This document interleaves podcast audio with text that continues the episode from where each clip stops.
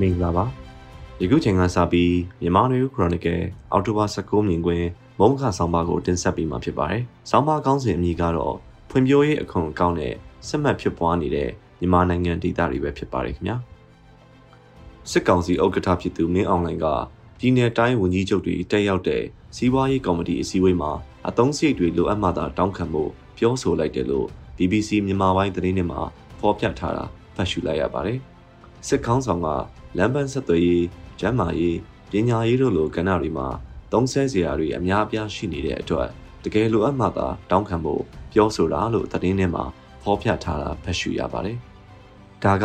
စာရွက်ဒီဘောကကိန်းကနန်းတွေအစည်းအဝေးခန်းစာတွေအရစစ်ကောင်းဆောင်သိရှိတဲ့မြန်မာနိုင်ငံအခြေအနေဖြစ်ကောင်းဖြစ်နိုင်ပါတယ်။တကယ်အပြင်မှာဘလို့တွေဖြစ်ပျက်နေတယ်လဲဆိုတာစစ်ကောင်းဆောင်တည်တည်ချာချာမသိရှိတာလည်းဖြစ်နိုင်ပါတယ်။မြန်မာနိုင်ငံရဲ့ဒေသအများပြားမှာ လက်နက်ကင်တိုက်ပွဲဖြစ်ပွားနေတာတွေအုပ်ချုပ်ရေးအဖွဲ့အစည်းနဲ့အခြားသောအရက်ဖက်ဌာနတွေအနေနဲ့အမှန်တကယ်အုပ်ချုပ်ရေးနဲ့ဖွံ့ဖြိုးရေးလုပ်ငန်းတွေမလုပ်ကင်နိုင်ပဲလောက်ကျန်တပ်ဖြတ်မခံရအောင်ရှောင်တိန်နေထိုင်နေကြရတဲ့အခြေအနေမျိုးအောက်မှာအသုံးစရိတ်တွေသုံးဆဖို့အခြေအနေအခွင့်အရေးမရှိတဲ့အနေအထားလေးဖြစ်ပါတယ်။ဥပမာအားဖြင့်စောက်လို့ရေးဝန်ကြီးဌာနလက်အောက်ကလန်ဒနာဌာနကတပ်ဆိုင်ရာဝန်ထမ်းတွေအနေနဲ့စကိုင်းတိုင်း၊မကွေးတိုင်း၊ချင်းပြည်နယ်၊ ကရင်ပြည်နယ်၊မန္တလေးတိုင်း၊တနင်္သာရီတိုင်းတို့ကလမ်းတော်တော်များများမှာလမ်းတရားဖြတ်တန်းကောက်ခံတာ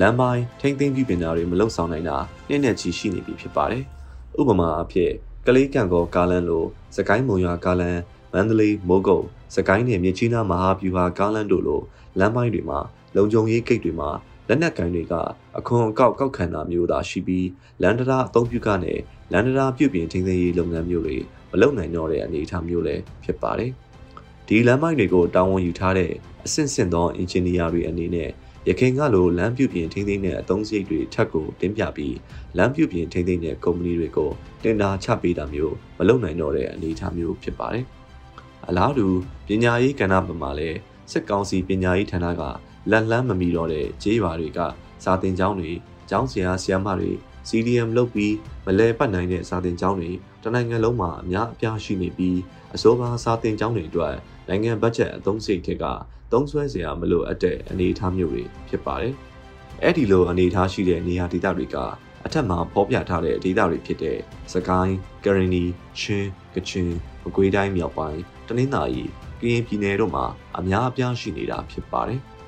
ကျမ်းမာရေးကဏ္ဍကြည့်ရင်လည်းအလားတူအနေအထားတွေ့ရမှာပါ။မဖွင့်နိုင်တဲ့တိုက်နယ်စီယုံတွေကျေးလက်ဆေးပေးကန်းတွေစီရီယန်လှုပ်သွားကြတဲ့ကျမ်းမာရေးဝန်ထမ်းတွေအများအပြားရှိတာကြောင့်ကျမ်းမာရေးဆောက်ရှောက်မှုတွေမရှိသလောက်ဖြစ်နေတဲ့နယ်မြေဒေသတွေအများအပြားရှိနေတာကြောင့်ကျမ်းမာရေးအသုံးစရိတ်နဲ့လက်တွေ့မှာမသုံးဆွဲနိုင်တဲ့သုံးဆွဲစရာမလိုတဲ့ဒေသတွေအများအပြားရှိနေတာဖြစ်ပါတယ်။တစ်ဖက်မှာအဲ့ဒီဒေသတွေကတရားဝင်အခွန်အကောက်လည်းမရသလိုဒေသတွေရဲ့ဖွံ့ဖြိုးရေး ကျန်းမာရေးပညာရေးစတာတွေအတွက်လည်းသုံးစွဲဖို့မလိုတဲ့အနေအထားဖြစ်ပါတယ်။သို့ပေမဲ့တကယ်လက်တွေ့မှာတော့အဲ့ဒီဒေတာတွေရဲ့အသုံးစည်းတွေကိုစစ်ကောင်စီဘက်ကတပ်ဆိုင်ရာဒေတာတာဝန်ခံသူတွေဘလို့လှုပ်ဆောင်ကြတယ်လဲဆိုတာရှင်းရှင်းလင်းလင်းမရှိတဲ့အနေအထားဖြစ်ပါတယ်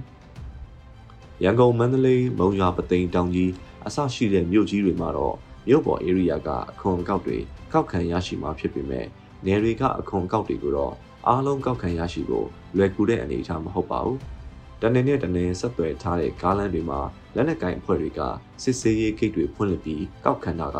နယ်တွေမှာကြဲကြဲပြန့်ပြန့်ဖြစ်ပွားနေတဲ့လက်ရှိအနေအထားလို့ဆိုရမှာဖြစ်ပါတယ်။ကားတစ်စီးကိုထောင်ကနန်းကနေတိန်ကနန်းအထိအခွန်ကောက်ခံနေကြတာဖြစ်ပြီးလက်နက်ကင်ထားတဲ့အဖွဲ့တွေအနေနဲ့ရိတ်ခါလောင်စာစေဝါလူသုံးကုန်ပစ္စည်းအစရှိတဲ့အကုန်ပစ္စည်းတွေတယံဇာတထုတ်ယူမှုတွေအပေါ်နေမြေအသီးသီးက အဖွဲ့အစည်းအသီးသီးကအခွန်အကောက်ကောက်ခံကြတာဖြစ်လို့စားသုံးလူထံရောက်ရှိတဲ့အခါကုန်စည်နှုန်းတွေကရန်ကုန်မန္တလေးတို့လိုမြို့ကြီးတွေထက်အဆနဲ့ချီမြင့်တက်နေတာမျိုးလဲသတင်းတွေမှာဖတ်ရှုရမှာဖြစ်ပါတယ်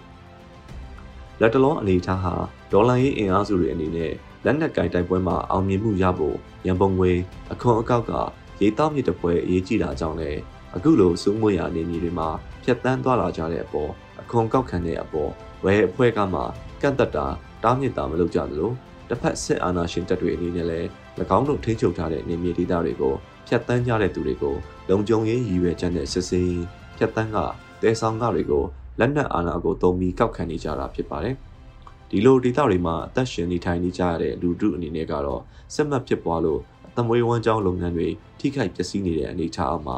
စစ်ပွဲတွေရဲ့ဇေယိစကဝင်ကိုခွဲဝေထမ်းပိုးကြရတဲ့အခြေအနေကလွဲပြီးအခြားရွေးစရာလမ်းမရှိဘူးလို့ဆိုရမှာဖြစ်ပါတယ်ခင်ဗျာ။